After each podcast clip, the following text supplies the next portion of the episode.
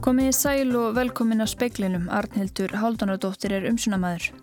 Samningafundi Æslandir og Flugfreyjufélags Íslands hjá Ríkisáttasemjara var slitið á þriðja tímanum í dag. Flugfreyjur höfnuðu tilbóði Æslandir sem forstjóri félagsins segir að hafi verið loka tilbóð. Eitt COVID-19 smitt greindist hér á landi síðasta sólaring, fyrsta síðan 12. mæ. Þrýr eru nú í einangrun en engin á sjúkrahúsi. Grykkir opna landamæri sín fyrir erlendum ferðamönnum í næsta mánuði.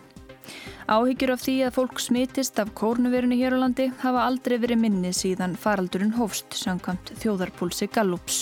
Og lögum neyslurími voru samþygt á alþingi í dag.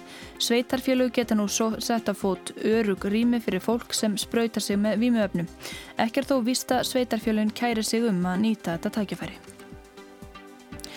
Samninganemnd Flugfreyju félags Íslands hafnaði í dag tilbúði Æslandir sem félagið ítrykkaði og fundi félagana hjá Ríkisóttasemjara í dag. Samningafundi Æslandir og Flugfreyju félagsins var slitið á þriðatímanu. Bóji Níls Bóasson, forstjóri Æslandir, segir að loka tilbúðið hafi falið sér talsverðar breytingar frá fyrri tilbúðum. Trátt fyrir að samningar hafi ekki náðst sé stemt á hlutafafund á föstudag. Við teljum algjörlega að miða við þetta loka tilbúð og þá erum við að bjóða áfram upp á frábær starfskjör fyrir flugþjóna og, og flugfreyjur og með því besta sem gerist á, á Vesturlundum en á sama tíma að tryggja samkynningsefni og sveiginleika fyrirtækisins. Þannig að ég leiði mér ennþá að vera bjassítin á að við náum lendingu í þessum áli. Fyrir förstudag? Nei, ég, reyna ekki með því að gerist fyrir förstudagin. Við þurfum bara að fara yfir þessu stöðu með hlutfónum eins og hann er núna. Þú segir yfirlýsingu sem þið gáðu út eftir að þetta var ljóst að nú er að skoða aðra leiðir. Hvaða leiðir eru það? Já, það var bara eftir að koma í ljós. En sem ég segi, við erum búin að vera að fókusera á þessa viðræður og ganga frá samningum og, og við vitum í raun ekkert á þessu stíði hvaða leiði það eru en hérna, við ætlum að bjarga þessu fyrirtæki og það er okkar hlutverk.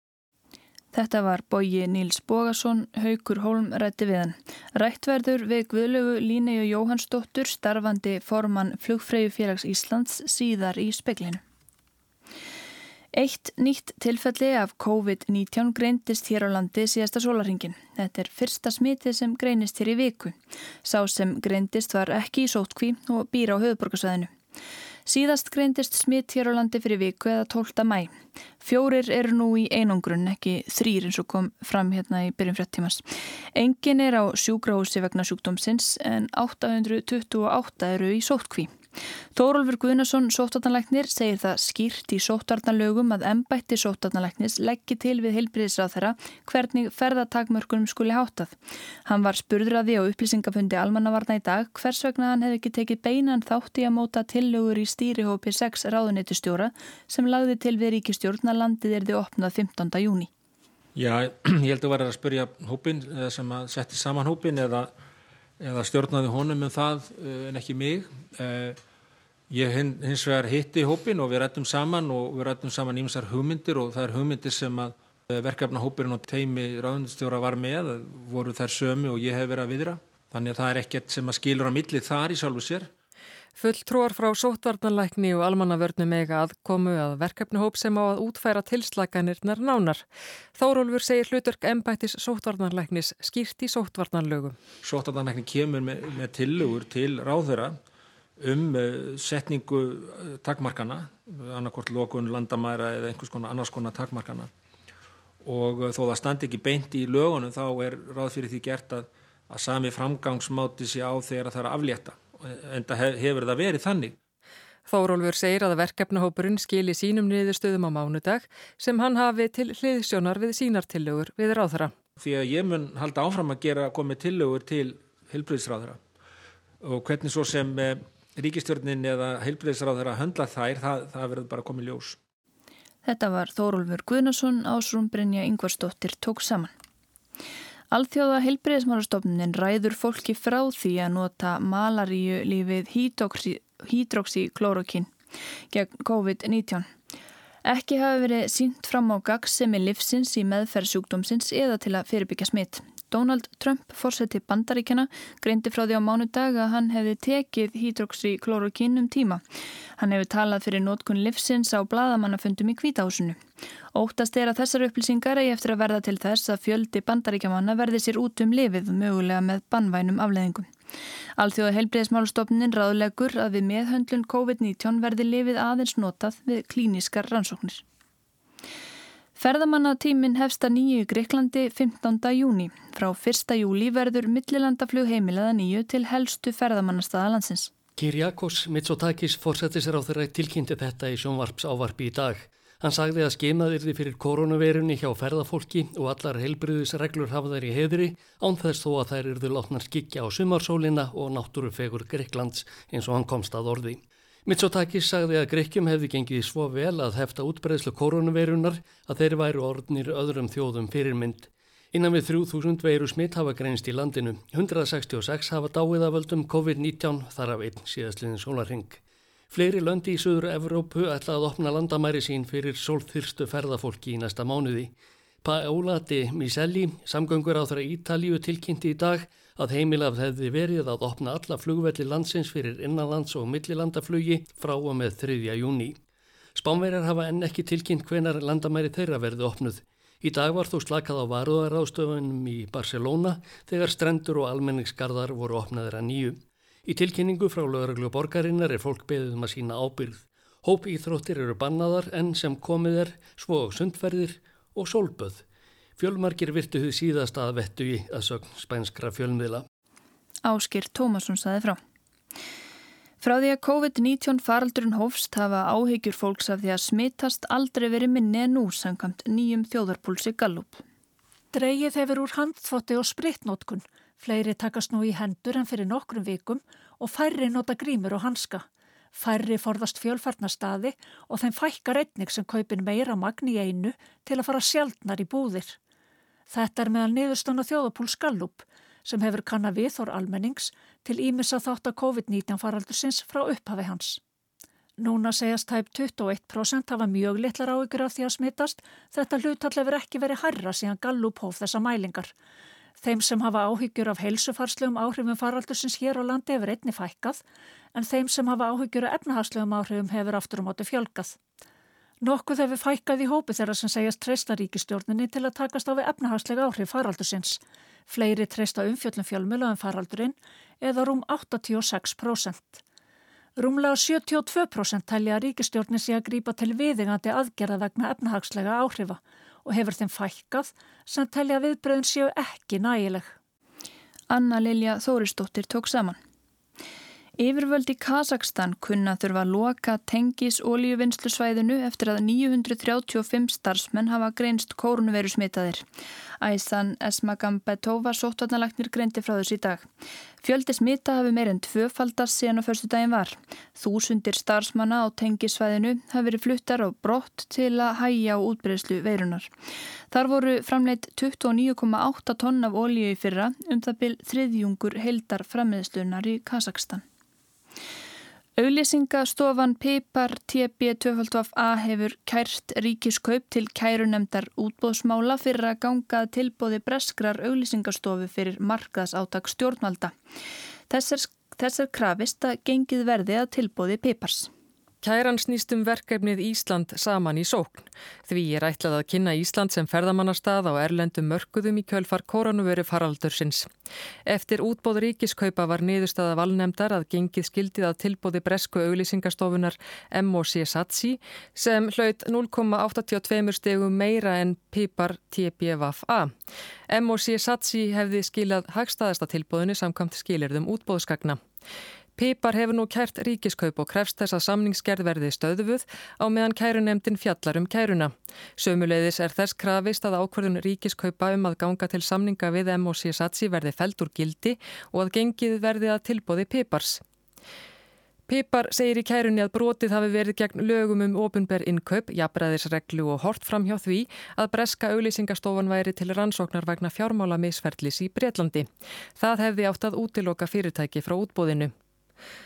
Þá sé fyrirtækið ekki verðið söka skatt skilt hér á landi og það skekki samkeppnistöðu. Í útbóðsgögnunum á vef ríkiskaupa kemur fram að þeir verði útilokaði frá útbóði sem hafi hlotið dóm. Einni kemur þar fram að tilbóð verði að taka virðisauka skatt með í reikningin.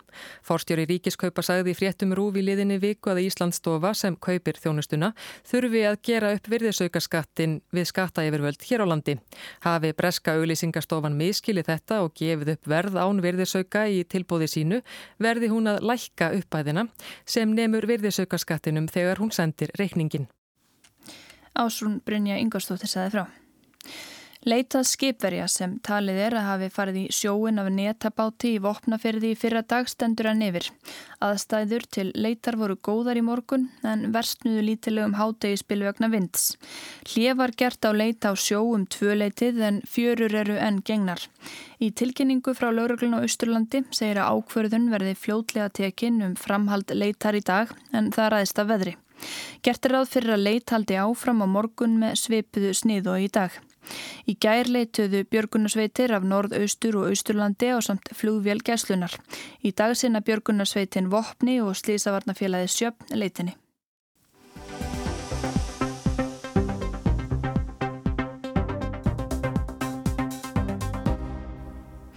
Óvisa ríki nú eftir að sáttafundi í kjaradeilu flugfreyja og Æslandir var slitið í dag.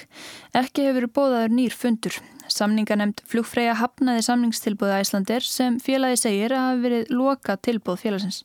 Bóji Nils Bógarsson, fórstur Æslandir, segir í tilkynningu í dag að það séu mikil vombriði að flugfreyju skuli hafa hafnað tilbúðu félagsins sem hafi verið loka tilbúð. Tilbúðið byggja á sama grunni og þeir samningar sem gerðir voru við flugverkja og flugmenn. Flugverkjar samþýtt í dag nýjan kjærasamning við Æslandir sem gildir út árið 2025. Atkvaðagreislum samning flugmanna stendur yfir og líkur á förstu daginn á sama tíma og hlutafundur á Æslandi er hefst. Bóji Nilsi segir að ekki verði lengra komist í viðræði við flugfröður og nú þurfi að skoða aðra leiðir án þess að nefna hvaða leiðir það eru. Við ætlum okkur að koma félaginu í gegnum þær krefjandi aðstæðu sem nú ríkja og styrkja rekstur þess til framtíðar, segir Bóji Nils Bóasson. Í tilkynningu frá Æslandir kemur fram að tilbúðu sem sammingarnemndi flugfræði hafnaði hafi innihaldið eftirgjafir frá fyrra tilbúði Æslandir sem átt að koma til móts við þau sjóna við félagsmanna sem komu fram vegna fyrra tilbúðs félagsins. Tilbúði hafi meðal annars falið í sér hækkun allra grunnlauna með sérstakri áherslu á lægstulaun valum starfslutvall og að flugstundar hámörginan mánar væru færði niður, auk þess sem skorður voru settar um hámarsfjölda lausráðina flugfrei og flugþjóna. En hvað sér Guðlu Línei Jóhannsdóttir formaðu flugfrei félags Íslands? Hvers vegna hafnaði samninganemdin tilbúði Æslandir? Það tilbúð sem lagt var fram á borðið er í rauninni bara í keimleikt í tilbúðu sem við höfum aður hafnað og er í rauninni bara ósáttalegt Þannig að þið töluðu um að fyrra tilbúð hefði þýtt alltaf 40% kjaraskerðingu að þið meti þetta tilbúð já, bara á, á sama veg? Já, ég er nú kannski ekki með nákvæmlega prósund á þessu tilbúði en þetta er bara gífurleg skerðing, launaskerðing og auki vinnuframla til muna. En Æslander segir að tilbúði hafi meðal annars falið sér hækkun átra grunnlauna með sérstakri áherslu á lægstu laun. Þið er ekki samanlega þessu eða þetta var ekki nógu mikið? Já, þeir leiðu fram breytingu á, á launatöflu sem var að uh, rétt með farið að, að lægsti skalin var hækkaður en aðrar uh, flugfröður og öðrum uh, launaskölu myndu annarkort standi í staðið að taka á sér skerningu. En höfðu fréttir í morgun um að Æslandir var að kanna möguleika á að semja við hugsalega nýtt félag flugfræja áhrif á viðræðunar? Eh, já, við hóðum daginn á því og skæftir yfirlýsingu frá fórstjóra-félagsins að þeir væru að vinna af heilendum og væru ekki að tala við önnu stjættafélögu eða gera ráð fyrir því að, að stopna nýtt stjættafélag og við fengum þá yfirlýsingu. Eins og er það alveg skýrt að stjættafélögu eru félögu launafólks og atvinnugundur eru ekki að vera að skipta sér af því. En er klopningur í ykkar öðum? Ég hef ekki fundið fyrir klopningi í okkar auðum eða eitthvað er að þá hefur samstæðan sjaldan verið að sterk og þeir sem hafa verið lengi í þessu stéttafélagi, þetta stéttafélagi er stofna 1954, það er talað um að samstæðan hafi aldrei verið að sterk eins og hún er í dag. Fástjór Æslanderi segir að nú verði aðra leiðir skoðaðar, já, viti þið eða veist þú hvaða leiðir þetta kunna vera? Nei, ég get ekki svara fyrir hans orð. Eh, við erum áfram bara með ríkan samningsvilja og, og mætum til fundar þegar hann er búður. En það er kannski ekki rétt átt að spurja en lítur þetta út hann núna að þið hafa á samvinskunni að Æslandi er farið jafnvel í þrótt? Eh, það er alveg ljóst að uh, stjætt flugfröð og þjón á Íslandi verð ekki ábyrða því uh, hvernig félaginu vegnar í viðskiptaleginu og við bara vísum því alferð að buga þessi okkar hefðum. En hvert verður framhaldið og Hvor aðilinn sleit viðræðanum í dag? Uh, deilan er að sjálfsög hjá ríkisáttasemjara og við förum eftir þeim leikreglum sem hér eru.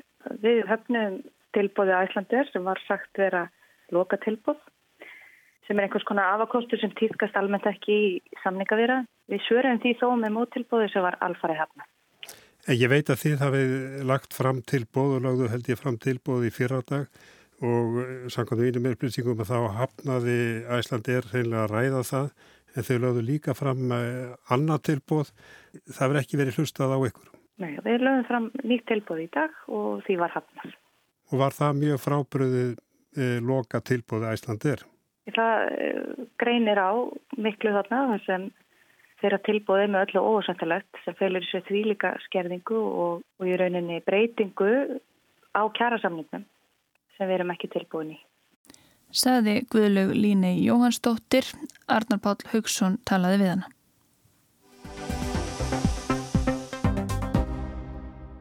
E, Stjórnarfrumvart 328. mála á þínskjali 1460 framhald þriðju umræðu atkvaða greiðsla frumvarp sem kemd er við hugtaki neyslu rými. Greitt eru atkvaðin frumvarpið í heild og hefst nú atkvaða greiðslan. Þetta er, þetta er mannúðarmál. Við erum að stíga skrefi á því að mæta fólk þar sem það er en ekki að reyna að rýfa það á eitthvað stað þar sem við viljum að það sé út af því að við bara vitum að það virkar ekki. Með þessum lögum er verið að opna leiðir fyrir nýja fíkla, yngri fíkla til að nýta sér slíka aðstöðu. Virðulegu forseti, eh, ég ætla að hafa hugrekki til þess að íta á já og styðja þetta frumvarp en verð samt sem aður að viðurkenna að það er erfitt. Mér finnst það erfitt að gefast upp í baráttunni gagvart fíknefnum. Það er auðvitað eitthvað bóið við það þegar mönnum finnst það sjálfsagt að heimila og með sér hlut til að kosta skattgreðenda að heimila neyslu á ólöglegum efnum. Þingmenn í húsi hafa greitt atkvæði. Atkvæðagreiðslunni er lokið. Frumvarpið í heild er samþykkt með 42 atkvæðum gegn 2, 6 greiða ekki atkvæði og verður sendt hæstu til ríkistjórn sem lög frá alþingi. Þriðju umræðu og atkvæðagreðslu um frumvarp heilbreyðsráð þeirra um neyslurími laug síðdeis í dag. Margir þingmenn lögðu orð í belg en hér heyrðist í Halldóru Móensen, Pírata og þremur þingmennum sjálfstæðisflokks þeim ásmundi Freiriksinni, Bryndísi Haraldsdóttur og Brynjari Níelsinni. Lögum neyslurími voru samþygt á alþingi í dag. Sveitarfélög geta að fengnu leifi frá landlækni sett á fót örug rými fyrir fólk sem spröytar sig með vímuöfnum. Ekki er þó vist að sveitarfélögin kæri sig um að nýta þetta tækifæri. Á Íslandi er talað um 700 einstaklingar sprauti sig með vímuöfnum í æð. Neyslurímin eru ætlu fólki í þessum hópi átjánar og eldri, engum þeim verst stöttu. Markmiðið með neyslurímum er skadamingun að viðurkenna fíknina sem sjúkdóm og koma til móts við fólki þeim aðstæðum sem það er. Í neyslurímunum fá notendur aðgang að hreinum nálum og spröyta efnunum í æðundir eftirliti starfsmanna. Fylstu varúðar og hreinlætis er gætt og þannig dreyður hættu á síkingum eða því að fólk taki of stóran skamt. Þá þurfa fíklar sem kannskir á götunni síður að spröyta sig úti við eða í ótryggum aðstæðum. Elisabeth Brynjarsdóttir hjúkunarfræðingur þekkir þennan hóp vel. Hún sinnir notendum í frú Ragnheiði sér útbúnum sjúkrabíl á vegum Rauðakrossins. Frú Ragnheiður sinnir fíklum á höfuborgarsvæðinu 6 kvöld í viku. Þánga getaði leitað, fengið helbriðistjónustu og reynar nálar og skilað notuðum búnaði. Speillin rætti við Elisabethu í nóvember í fyrra rétt eftir að Svandís Svavarsdóttir heilbriðisáðara lagði frumvarpið um neyslu rýminn fram. Neyslurími er risastórt skamingunar úrraði sem er rosalega mikil þarf á. Og við hérna í frú Ragnæði um, hefum ítrekkað kallað eftir þessu út af því að um, við erum að sjá að það eru ekki öryggistæðar fyrir einstaklingar til að nota. Það eru líkur á því að einstaklingar ofskamti, takja ofstóran skamt ef þau eru ekki öryggust rými. Og það eru döðsvöld á Íslandi út af ofskamtin sem hægt er að koma í vekk fyrir Elisabeth segir að fleira og veikara fólk nýti nú þjónustu frú Ragnhæðar um 590 úrræðið fyrra. Hópurinn sem talið er að muni nýta neyslurými er fámennari. Áallanir gerir ráð fyrir að 25 til 40 myndu nýta slíka rými hér og er það mat byggt á reynslunni í nágrannlandum okkar. Reynstan af neyslurýmum þar hefur við að verið góð. Bætt líðan notenda, færri spröytu nálar hafa fundist á almannafæri, færri hái vaff og livrarbolgu smitt hafa komið upp. Þannig hafa rýmin líka dreyið úr kostnaði í helbriðskerfunu. Frumvarpið breyttist lítilegi meðförum velfaranemdar. Breytingar nemdarinnar voru smávægilegar og lutu helst að því að breyta orðalæginu langt leitir fíklar sem þótti gildislæðið og skerpa á ákvæði um að sveitarfélagin getu útvistað rekstri nýsluríma til félagasamtaka, til dæmis Rauðakrossins. Ólafur Þór Gunnarsson þing með vinstri grætna og framsögum að nemdarinnar tilur líklegt að fyrstu nýslurímin verði opnið strax á þessu ári. Í rauninni er samtöð þessa frumvart, svona er uh, fyrsta skrifi þá átt sem að menn hafa verið að feta sig á að uh, afglæpa væða fíknefna nýstlu þar að segja að gera ekki þeim sem að uh, neyta fíknefna og eru kannski komnir uh, í vandraði með sína nýstlu að gera það ekki glæpsamlegt aðtæfi og kannski þannig hindrað og ég leita sér aðstöðar og þetta er fyrsta skrefið. Við vitum alveg ekki nákvæmlega hvena er sveitafélagin taka við sér og uh, opna, uh, opna nýslur í mig. Ég vona að það getur strax á þessu ári. En það er kannski frekar spurning sem að ætta beina til sveitafélagana eins og, eins og til að mynda Reykjavík borgar. Heiðabjörg Hilmistóttir, borgarfulltrúi samfélkingar og formaður velferðaráðs Reykjavík borgar er ekki bjart sín og Ólafur Þór það þurfti eitthvað mikið að koma til til þess að opnaði næstlurými í Reykjavík og þessi árið því miður verði að fá að segja því að við viljum gætna sjá að það verði. Í lögunum nýju er hveðið áum að næstlurýmin eigi að vera á forræði sveitarfélaga. Í umsöknum sínum um frumvarpið gerðu Reykjavíkuborg, Mósfellsbær, Kópavógur og Akururabæra aðtóðasendur við þetta. Hefði viljað að uh, alþingi horfi meira til þeirra umsagnar sem að sveitastjórnastíði sendi, bæði sambandíska sveitafélag og Reykjavíkuborg, sendur skýr skilabóðum það að, að við erum til samtals, við viljum gætna sjá nöyslurími en við sjáum ekki alveg eh, hvers vegna verður þeirra velta ábyrjun á því og opna það á okkur. Heiða er mjög ánað með áformum að koma upp neyslurímum það sé nöðsynlega viðbót við þá skadamingandi þjónustu sem borgin hafi veitt. En hún vil síður að borgin taki við heilbriðistjónustu því það sé hlutverk ríkisins.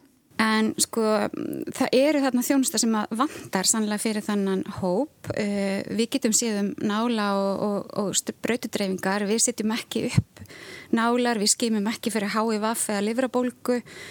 Uh, við erum ekki með liv sem geta bjarga fólki frá því ef, ef það komið einhverja ofskamtanir. Uh, það er ímislegt svona sem að, að heilbreyðstjónustan verður að sinna og þeir aðilar sem að sinna því þurfa að hafa aðgangað að sjúkraskrám og öðru sem að félagsstjónustan bara hreinlega hefur ekki. Í umsökn velferðanendar frá 12. mæ kemur fram að nefndin hafi sérstaklega fjallað um hvernig verkefni fjalliða hlutverki sveitafélaga en nefndin ákvaða breyta engu voru þið búin að skoða það nógu vel hvort að e, sveitafélag hefði einhvern áhuga að taka að sér þennan rekstur?